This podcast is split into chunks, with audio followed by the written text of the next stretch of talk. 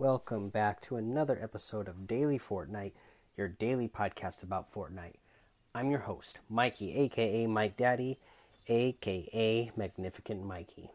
All right, today we have the version 10.10 content update patch notes to go over.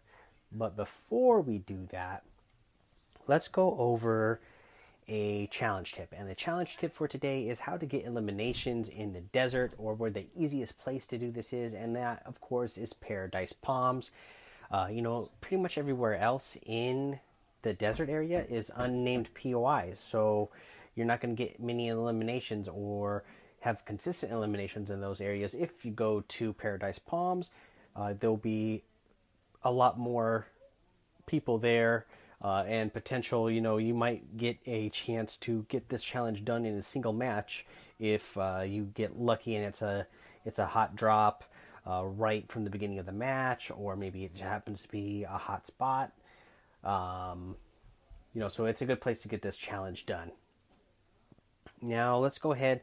Let's go over the item shop, and the item shop today is a pretty good one. We have the uh, items that we had yesterday, which is the shot caller outfit and the Metro Machete uh, harvesting tool. You have the uh, Cuddle Team Leader outfit, which I love, the Plague outfit, the Scourge outfit, the Cuddle Cruiser glider, the Lamplight glider, the Cuddle Paw harvesting tool, and the Herald's Wand harvesting tool.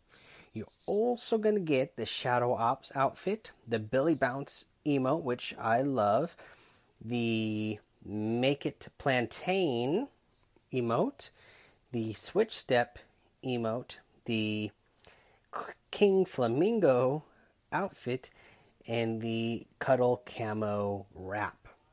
If you guys are going to get any of these items in the item shop, I would really appreciate it if you use that creator code Mike Daddy M M M I K E D A D D Y in the item shop because it does help support the show. Now, let's go ahead and take a little break. When we come back, we will go over these patch notes that we have for the 10.10 content update. Alrighty, here we go. Battle Royale. What's new? Junk Rift. Heads up. You can now deal with opponents by dropping heavy things on them. With the power of the rift, summon anchors, cars, and more to fall from the sky. Glitched consumables. They say you are what you consume, but these consumables don't even know what they are. A rift beacon has exploded, creating forageable items that keep turning into other forageable items. They're glitched. Weapons and items. The Junk Rift. A throwable item that breaks on contact and spawns a large object in the sky that plummets to the ground. The plummeting object damages players and destroys everything in its path. Creates a small shockwave upon landing that damages players and destroys everything in its radius. Damage direct hit does 200 damage. Direct hit slightly knock players back. Shockwave hit uh, does 100, and both hits immediately destroy vehicles and destructible objects on impact. It drops in stacks of two. Max size, max stack, max stack size is four. It is an epic rarity. It's available from floor loot, chests, supply drops, and llamas. And this thing is powerful. If you get a junk rift, definitely carry it. This is definitely a very powerful item. Obviously, 200 damage on a direct hit, 100 damage on the on a shockwave hit, and uh, you're gonna automatically destroy any builds that it falls down on, and any vehicles. So this is going to be obviously really powerful against mechs, but also very powerful in the end game. Uh, let's see here, guys. What else do we got going on in these patch notes? They have uh, glitch consumables, we just went over those, and it's all of the uh, items that we already have in the game. It could glitch to anything else, so we don't really need to go uh, over those. We will say that they were they did have shadow stones, but due to an issue, we've disabled the following items shadow stones. So there was an issue with the shadow stones, so those aren't going to appear in the area, but you will get apples, mushrooms, coconuts, peppers, hop rocks, and uh, let's see here. For gameplay, the map has changed. The rift beacon at the rec center malfunctioned, causing an explosion that left a giant crater and created the glitched consumables. Glitched consumables can only be found at the crater. So if you don't know what the rec center is, that is where the indoor soccer field was. I've never heard anybody call it the rec center. Uh, I've always heard it called the indoor soccer field. So that is where that is. That is the area that has been changed. For art and animation, the green toy wrap has been updated. Uh, because of this, owners of the Toy Soldiers Wraps bundle have been given the option to refund the bundle without the use of a refund token. Uh, note players have 30 days from their next login to redeem this refund. Also, remember those uh, guys that the red wrap is on its way. I saw a tweet from the Fortnite team today saying that the uh, the red version for the wrap bundles should have been going out to people today who are who were previous owners. For creative patch notes, what's new? Prefabs and galleries. With these prefabs and galleries, celebrate the return of Dusty Depot on Reminiscence or Reminisce on Dusty Diner. Uh, prefabs and galleries. They added five new prefabs Dusty Depot Blue Warehouse, Dusty Depot Gray Warehouse, Dusty Depot Red Warehouse, Dusty Depot Visitor Warehouse, and the Dusty Diner. They added two new galleries the Dusty Depot and Diner Gallery and the Dusty Depot and Diner Prop Gallery. Now let's move on to Save the World. For Save the World, they have the V6 launcher. Rev up your engines with this new rocket launcher. The V6 launcher hits the weekly store to join the Rat Rod weapon set. Cloak Star hits the road this week. Help Cloak Star make his way to the radio station to broadcast his song of the summer. Load up the van and gather your group because it's time to hit the road with a new weekly quest.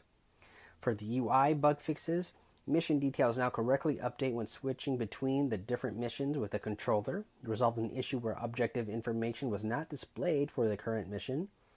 They added some information that was missing from command and armory tabs, fixed an issue where the map was not loading properly after changing tabs. The game no longer crashes when launching a mission through the Play Now button in the quest log.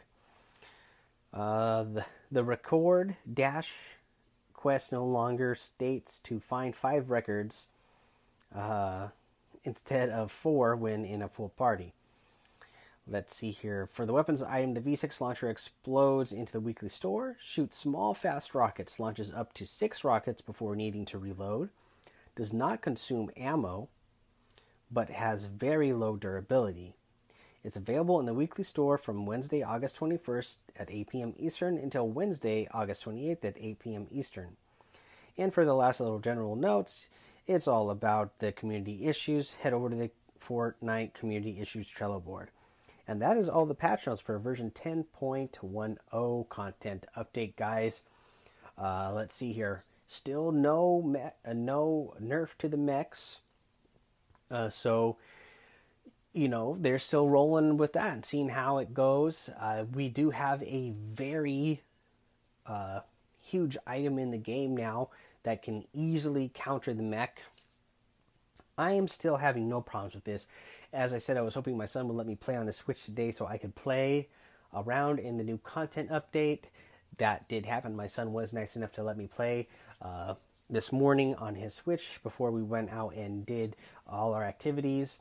And uh, yeah, I, I, played around for a while, and I'm still not having any problems running into the mech. I played uh, on his account. I played some solos, I played some duos, I played some squads, and I'm you know, and I was just playing random fills because I'm playing on his account, and I don't have any friends on his on his account, uh, and so I was just playing random fills, and I'm not running into any problems still with the mechs or brutes personally. I know there's still a lot of people out there who are having problems, so I feel for you.